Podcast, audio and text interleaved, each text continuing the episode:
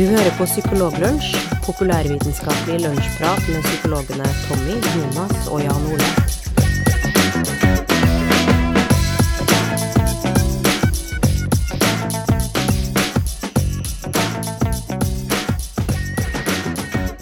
Velkommen tilbake til en ny episode av Psykologlunsj. Nå har vi omsider fått ristet av oss eh, ferien, har vi ikke det, gutter?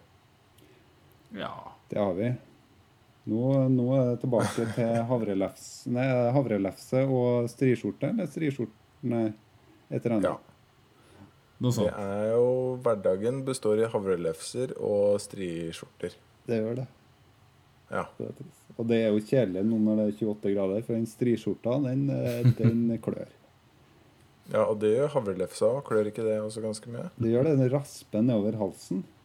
Fordi at du Ikke det, det, De sier jo ikke noe om hva du skal drikke. Det er sikkert Derfor, vann. eh, derfor Det er vann. Lunka vann. Lunka vann er det sikkert. Nå prøver vi oss på freestyling Ja, og det vet vi at det Ja, det, Det går ikke. altså. Det er ditt Men- ansvar i dag, Jan. Ja. Ja, det er mitt ansvar. Det er helt klart mitt ansvar. Uh, og i dag så skal vi besvare et spørsmål som uh, en lytter, Hanna, stilte for åtte år sia ca. Eh, det skal vi svare nå. Ja. Har Tommy påtatt seg det ansvaret. Eh, og så skal Jonas fortelle oss hvorfor ikke det er lurt å ta med råtten mat på trylleshow. Mm. Eh, men før det, før dere skal få lov til å begi dere ut på disse tingene, så har jeg lyst til å komme med en liten hverdagsbetraktning.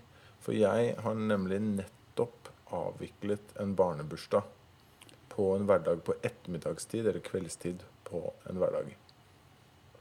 Og eh, det er jo det, det, det her gjør jeg to ganger i året ca. Og det slår meg bare hvor utrolig nært opptil altså en sånn barnebursdag eh, ligger veldig, veldig, veldig tett opptil Fluenes herre.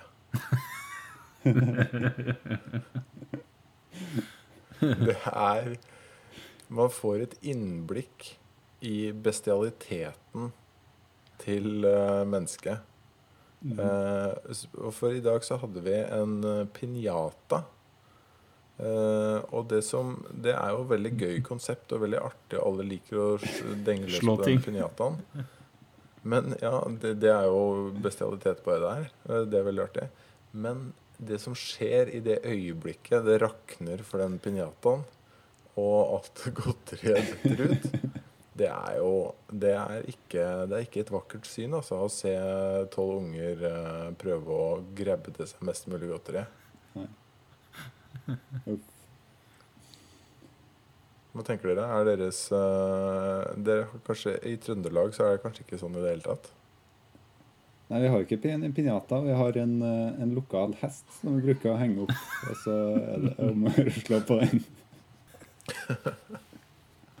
Ok, Det var bra freestyling, Jonas. Og da, er det- da har det Hva motsatt skjer? effekt, for da er det om å gjøre egentlig å komme seg vekk. I det- Når den hesten rakner. Ok. Så dere bruker eh, Dere bruker eh, eh, Dere bruker ekte dyr, altså, rett og slett. Og det, det er ikke et vakkert syn heller. Det. Åh. Ja, ja. Det er godt ferien er over. Oi. Mm. Ja. Skal vi ta med at eh, det denges løs på hester? i Trøndelag? Ja, det tar vi med. Um, men ikke, vi skal ikke snakke om eh, bestialiteten til, altså, i menneskenaturen eh, i dag. Det skal vi ikke. Men det kunne vi kanskje tatt opp eh, som et tema en annen dag. Eh, aller først i dag så vil vi gjerne høre at Hanne, Hanna får et svar på spørsmålet hun stilte i 2003. Ja, eh, Hanna sendte oss et eh, spørsmål på eh, Facebook i 2003, lenge før Facebook ble eh, oppfunnet. Og det er jo ganske godt gjort, men det gjorde hun. Eh, hun sendte følgende spørsmål til oss. For en psykolog er empati en av de viktigste egenskapene å ha. Tror dere at evnen til å være empatisk er eh, del av personligheten ved at det er medfødt? Eller tror dere at det er noe som kan læres, f.eks. gjennom psykologutdanningen? Eh, takk på forhånd. Hilsen Hanna. Så eh, Først så kommer det jo et uh, lite premiss her, da, som er at uh, empati er en av de viktigste egenskapene å ha. Og det, det kan man jo kanskje si seg delvis enig i. Uh, og så er det da spørsmål om er det medfødt, eller er det noe som kan læres. og da tenker jeg jo da på den psykologutdanninga, da, som jeg, muligens hun går på sjøl, eller gikk på i 2003. Sikkert ferdig spesialist og doktorgrad og alt mulig nå. Så jeg vet ikke. Hva, hva tenker dere? Sånn umiddelbart? Nei, Jeg tenker jo umiddelbart at eh, det er som eh, alle andre ting, at det er eh, litt både og. Men at, det, at nok den, den genetiske øh, genetisk betingede delen av det, altså den arvelige delen av det, den er nok litt høyere enn det man kanskje i utgangspunktet eh, ser for seg. Ja. Men at, at, eh, at det både kan læres til en viss grad, og tror jeg også at det miljøet man er en del av, spiller en veldig stor rolle.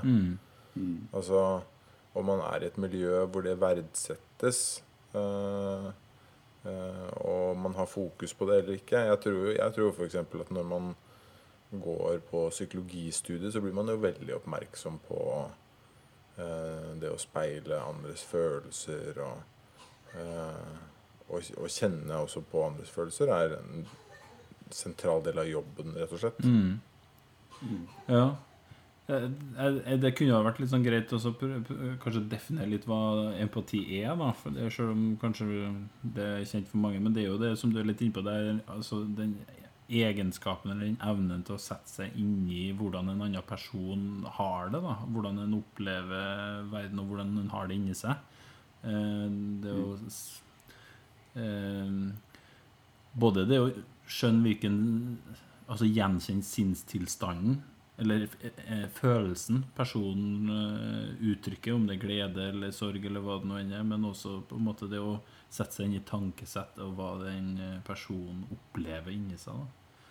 Um, og det som er litt interessant, er at um, en kunne jo ha delt opp de her, eh, den her empatibiten i to, noe som av og til gjøres. Eh, Nemlig at du har nettopp en sånn såkalt affektiv eller følelsesmessig empati, som da handler om det å eh, gjenkjenne følelsen hos noen andre. Som er, skjer, hvordan ser på en måte ansiktet ut, eller hvordan, hvordan tror man at de har det inni seg? Er de glad eller lei seg? Og så er det da den her kognitive empatien, som er da eh, evnen til å forstå hvordan, hvilken, eh, hvilke tanker og, og opplevelser som foregår inni, inni personen. Hvordan sinnstilstanden er, på en måte. da. Eh, og jeg, jeg tenker at det er, empati er en såpass kompleks og sammensatt handling, om du skal si det sånn, eller eh, tilstand, at det, det er nok veldig mange ulike deler som utgjør den, den pakken. da. Eh, hvor, eh, hvor noe av det nok er i større grad arvelig, og noe av det nok er mer lært. da. Mm. Ja, på samme måte som for Litt av spørsmålet var jo om, om hvorvidt empati var en del av personligheten vår. Eh, og i samme setning ble det også nevnt hvorvidt det var medfødt. Men pe også personligheten vår er jo et produkt av, eh, av eh, arv og miljø.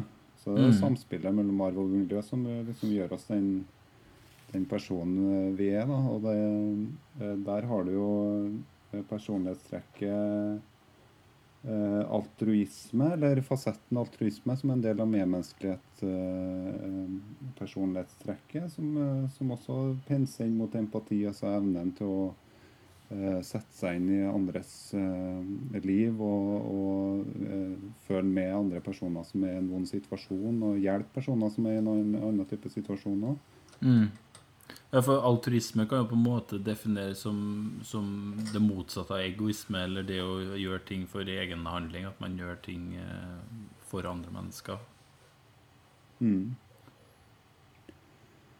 Eh, og så har du jo også den evnen til å sette seg inn i andres uh, situasjon.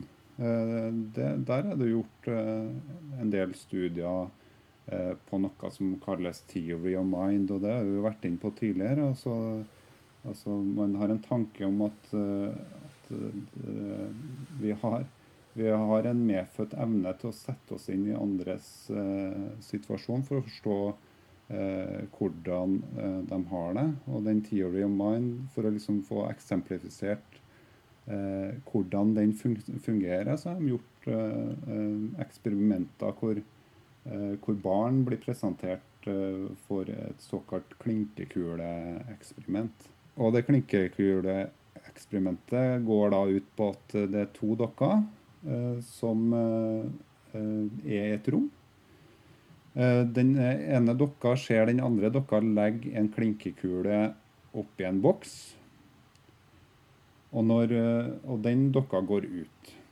Og da sitter den andre dokka og tar den klinkekula ut av boksen og legger den under en hatt i stedet. Og Så kommer den dokka som gikk ut, tilbake.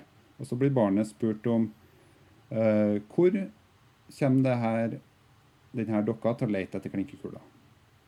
Og Da vil han da se at de, de barna som eh, de tenker har den type theory mind intakt, da, vil si at uh, dokka vil leite i boksen. For det var i boksen hvor den der dokka la klinkekula. Mens, uh, mens de som uh, kanskje ikke har den egenskapen ennå, hvert fall, eller som ikke har den egenskapen, de vil mest sannsynlig si at dokka vil leite under hatten. Selv om dokka som gikk ut, ikke har noen forutsetning for å leite under hatten. Og dette her er jo en utrolig viktig egenskap å ha når man skal uh, leve sammen med andre uh, mennesker. Uh, og hvor man er avhengig av et samarbeid med andre mennesker, så er det veldig viktig å ha en teori. Sånn som denne Sånn som du sier, altså en teori om hva som foregår oppi andres hode. Det å klare å lese av andre, andre mennesker, og deres følelser og deres vurderinger av en situasjon, er helt essensielt for å kunne samarbeide eh, veldig godt. Og man ser også at de som mangler denne egenskapen, ikke fungerer sånn eh, veldig bra i det sosiale spillet, da. Og, og, det der eh, er jo Da kommer vi litt tilbake igjen til det eh, skillet mellom sånn affektiv empati og kognitiv empati. For at Eh, som jeg, sa, jeg tror at deler av de her, eh, de her byggesteinene eh, for å kunne utøve empati nok er genetisk eller arvelig. da. En kan tenke at det, det, er gjort noen, det er gjort noen undersøkelser hvor man ser at barn som er bare noen timer gammel, visstnok skal reagere ganske kraftig på at andre barn i samme fødestue gråter. da Sånn at eh, en, når én baby begynner å skrike, så begynner resten av babyene å skrike også. Eh, og de har visstnok en større tendens til å gjøre det når de hører andre barn gråte, enn annen type støy. Så det er ikke bare det at de skvetter av en høy lyd. på en måte. De har, det er noen sånn, muligens noe som ligger allerede der. Og så har vi også eh, det arbeidet som er gjort av, eh, av bl.a. Ekman, eh, hvor man ser at det ser ut til at det er på tvers av de aller fleste kulturer eller de aller fleste steder og tider i, i historien så har menneskene hatt noen sånne grunnemosjoner eller grunnfølelser som, som går igjen overalt. Eh, sånn at eh, glede er på en måte den samme uansett hvor du drar hen i verden. på en måte Sånn dette det er noen av de tingene der som er litt sånn eh, ligger der fra bunnen av. Og så er det nok eh, også andre ting som eh, påvirker, da.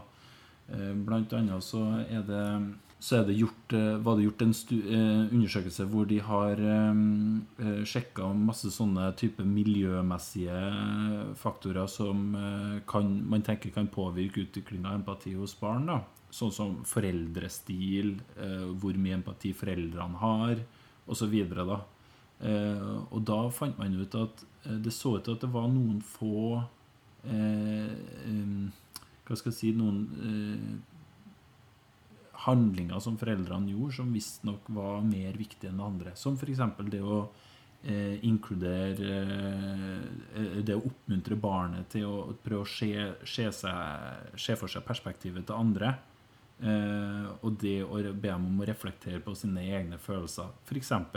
Hvis, hvis at et barn ser en person som har kjempestor nese, eller et eller annet sånt der, så, så kan de si liksom åh, se den mannen der med den store nesa. Og da eh, kan det være lurt å I stedet for å bare kjefte og si at eh, det må ikke si, så kan det være lurt å f.eks. si at eh, det der kan gjøre at han blir lei seg. Eh, og har du noen gang opplevd at noen har sagt noe som gjør at du blir lei deg, sånn at de på en måte knytter de tingene her litt sånn sammen? da. Det kan være at det er en lur ting å gjøre. Mm. Eh, Du, eh, et av spørsmålene spørsmålet var litt om empati kan bli At man kan lære seg empati. og En, en av de tingene jeg lærte lært på psykologiutdanninga, som, jeg- som, som jeg tror er litt sånn eh, viktig, er jo at eh, altså, Jeg tror de fleste som tar psykologiutdanninga, eh, tenker en del om hva andre mennesker tenker, eller hvordan, hvordan er det de føler, og hvordan er det de tenker. Men det du lærer også i psykologiutdanningen, er å drive og teste ut hypoteser. Og undersøke med pasienten og undersøke Mm. den som sitter over deg, om hvorvidt er det sånn at jeg eh, er det, sånn at eh, jeg forstår deg riktig nå når du sier sånn og sånn. Eh, har jeg forstått deg riktig når du sa at du eh, opplevde den situasjonen sånn? Altså du undersøker egentlig, i stedet for å holde på å eh, danne masse eh, teorier oppi hodet og masse hypoteser oppi hodet som du aldri tester ut. Så hypotesetesting sammen med, med pasienten er kanskje noe av, det, noe av det viktigste i hvert fall jeg har lært under, under det å, å begynne samtaler med pasientene mine. At den åpne dialogen og ut, den åpne dialogen om hvordan man forstår verden, den mer sånn humanistiske framgangsmåten, den, den tror jeg er også med, Det er noe mer sånn teknikk det på å fremskynde mer empatiske ja, ja, Kanskje ikke empatiske evner, men, men det er med å, å hjelpe til.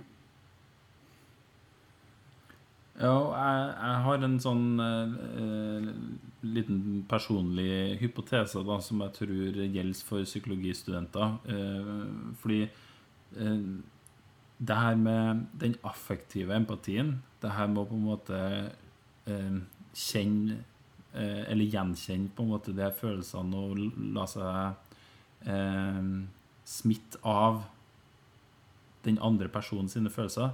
Jeg lurer på om den kanskje er litt sånn høy da, til psykologistudenter når de begynner på studiet. For det er veldig mange studenter som, som eh, er veldig opptatt av det spørsmålet Tar du ikke med deg jobben hjem, og blir du ikke eh, Er ikke veldig slitsomt å være på en måte psykolog og, og høre på det, all den fortvilelsen som er hos uh, de du snakker med? Uh, og det er det jo selvfølgelig, men de er veldig opptatt av det. Så tror jeg kanskje at det den der kognitive empatien kanskje den, kanskje den tar igjen litt den, den der affektive empatien litt etter hvert i studiet. Da, at man greier mer å se det fulle på en måte perspektivet og det her eh, Hele sinnstilstanden under ett. Som gjør at ikke den blir så overveldende, da. Det er min hypotese. Men eh, apropos eh, og, eh, hypoteser og teste hypoteser. Jeg tenker at det er et fint tidspunkt å runde av eh, det temaet på. Det er et veldig bra tema som vi helt sikkert kommer tilbake til. Empati er et stort, stort tema innenfor psykologien. Eh, men Jonas, det å teste hypoteser mm. Du kommer også inn på det når du skal fortelle oss hvorfor det ikke er lurt å ta med råtten mat på trylleshow. Ja, det, det gjør jeg. Ja, det, det, det er faktisk ikke lurt å ta med råtten mat. Eller å ta med råtten mat på trylleshow kan jo være lurt, da. Eh, I fall du har lyst til å avsløre tryllekunstneren. Eh, Men det er ikke lurt for tryllekunstneren å ha et kjøkken som eh, serverer forderva mat, eh, sånn som det var på Ørlandet hovedflystasjon da jeg var på et trylleshow der rundt eh, 2000-årsskiftet, eller år, århundre, årtusenskiftet.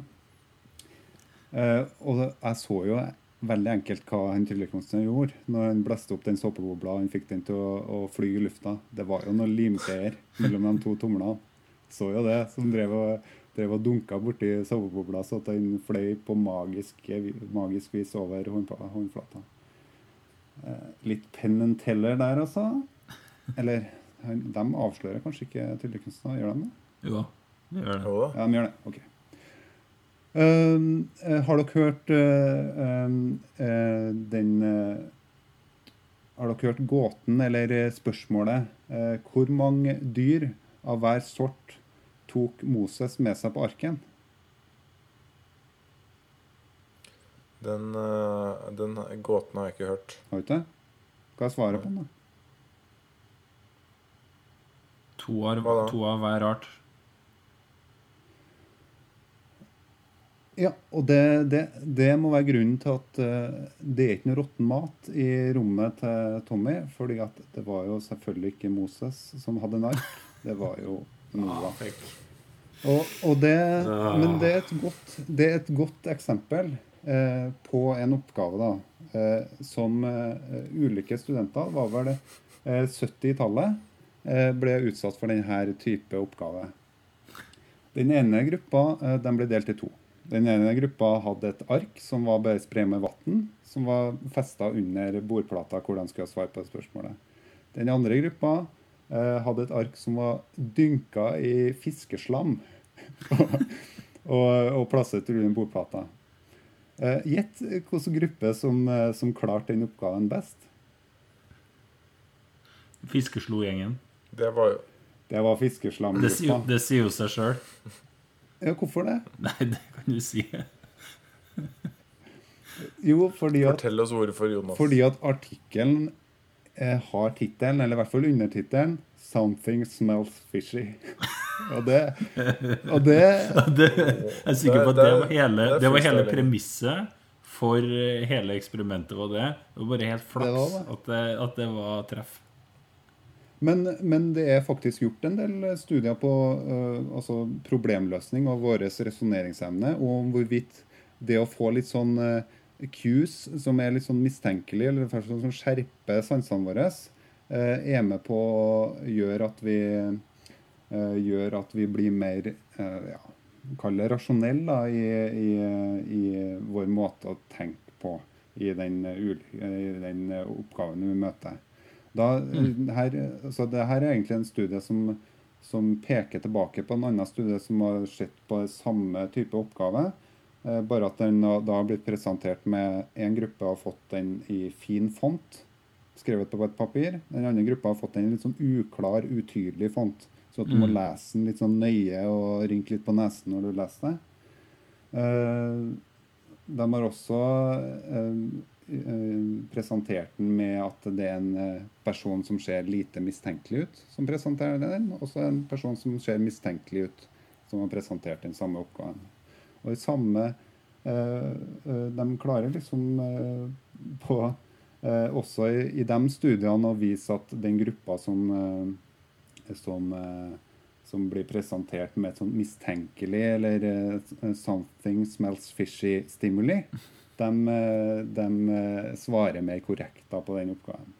Så har de selvfølgelig et kontrollspørsmål da, som, de, eh, som de stiller. og det er Hvilken type land er kjent for gjøkur, sjokolade, banker og lommekniver? Og det er Sveits. Så da, det svarer alle riktig på, eller bortimot alle. Jeg kan jo si at det er 50% som svarer, svarte riktig på den, den Noah Moses-spørsmålet.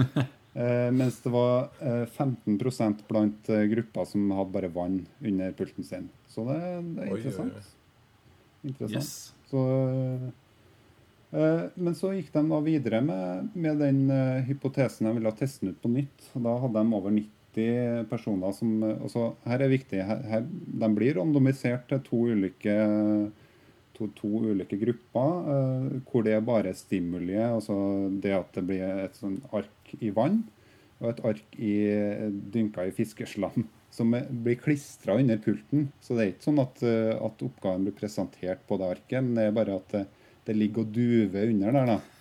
En god sånn fiskelukt. Eh, det glemte jeg å si i den, den, den, forrige studien. var at Det var faktisk eh, noen som viste seg å svare feil på den oppgaven blant eh, det fiskeslamgruppa. Men som viste seg å ha en eller annen sånn eh, være utrolig tett i nesa den dagen, så at, eh, så, så at de ekskluderte den fra studiet. Står det, står det i artikkelen? Ja, det står i artikkelen. Det er flott. altså. Ja, mm. Det er flott. Det er detaljert. Uh, I studie nummer to uh, så brukte de noe som kalles Wasons Rule Discovery Task. som egentlig er en måte å teste ut hvordan, hvordan vi klarer å resonnere, og hypotesetest for å komme fram til en regel.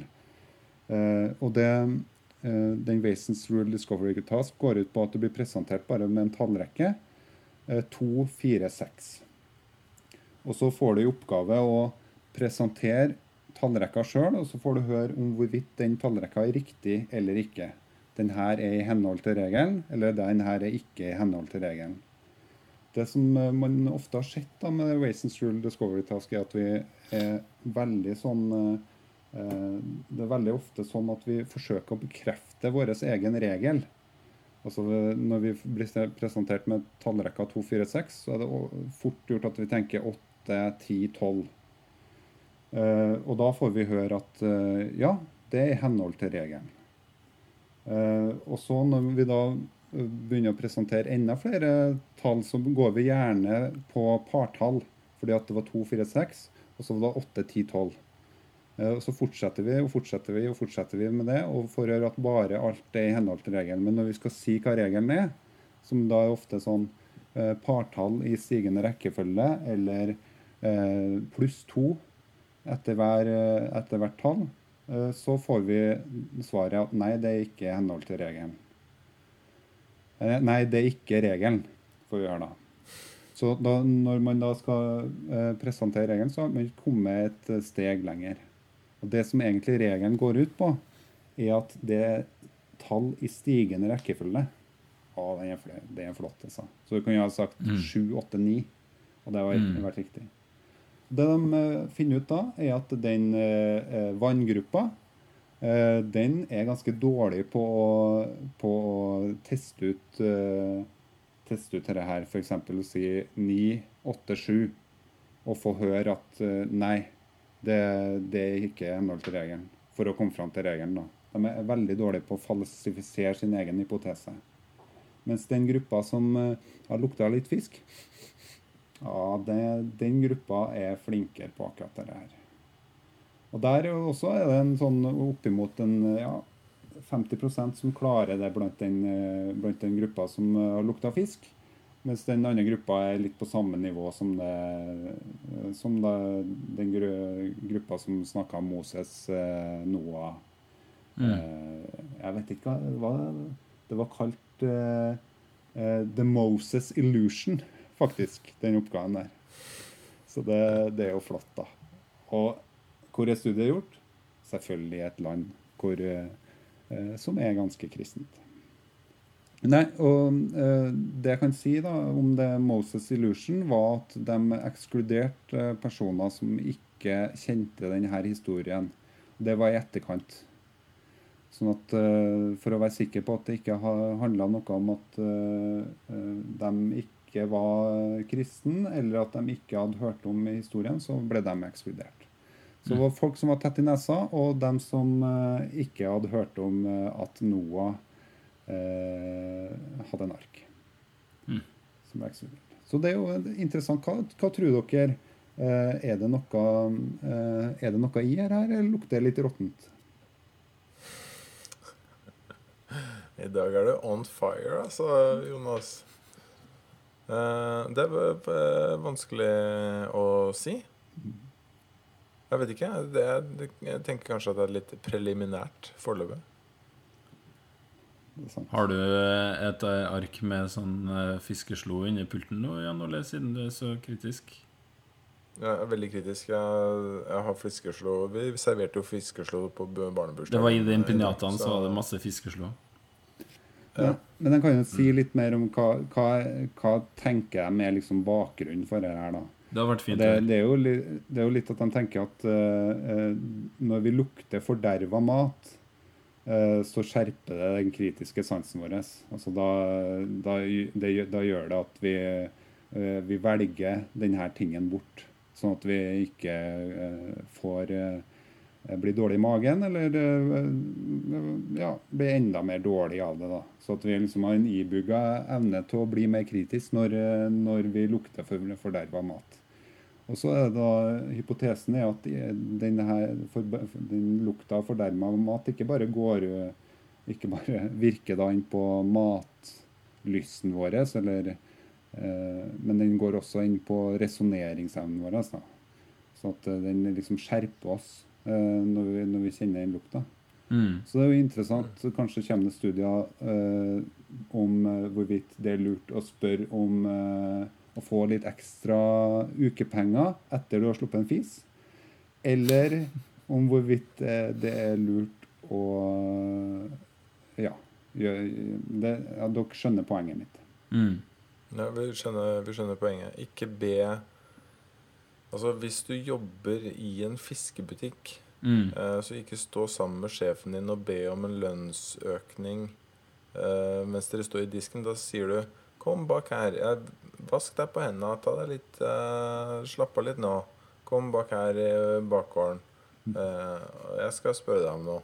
Så Mm. kom dere litt unna den fiskeslålukta. Ute i Rosehagen, bak eh, fiskesjappa. Ja. Men, men alle som har sett uh, uh, en dårlige actionfilmer, vet jo at i bakgården bak en fiskebutikk, der er det jo fullt med søppelbøtter med masse fisk Ja, som blir bare slengt rundt og, og kasta. Så det er jo der den forderva fisken er. det er sant. Mens, eh, mens inni fiskebutikken så bygger de jo på, på isterninger. Alle filetene og Det er jo der du virkelig skal spørre om det. Nettopp. Mm. Men det er en problemstilling som alle, eh, alle oss eh, som jobber med fiskeslo til daglig, må ta stilling til. Mm. Dagens Nå, tips nå er vi i ferd med å Nå, nå vi prøver oss på freestyle igjen. Det skal vi slutte med umiddelbart. Det er ikke vårt kompetanseområde. Eh, vi har endelig fått svart på det eldgamle spørsmålet til eh, Hanna. Mm. Og vi har fått klarhet i hvorfor man ikke skal ta med seg råtten eh, fisk eh, på trylleshow. Så det får være lærdommen eh, så langt eh, i denne episoden. Og vi er tilbake om eh, to ukers tid. Send gjerne inn spørsmål til oss. Det har vi eh, stor glede av, for da kan vi svare på de veldig, veldig mye senere.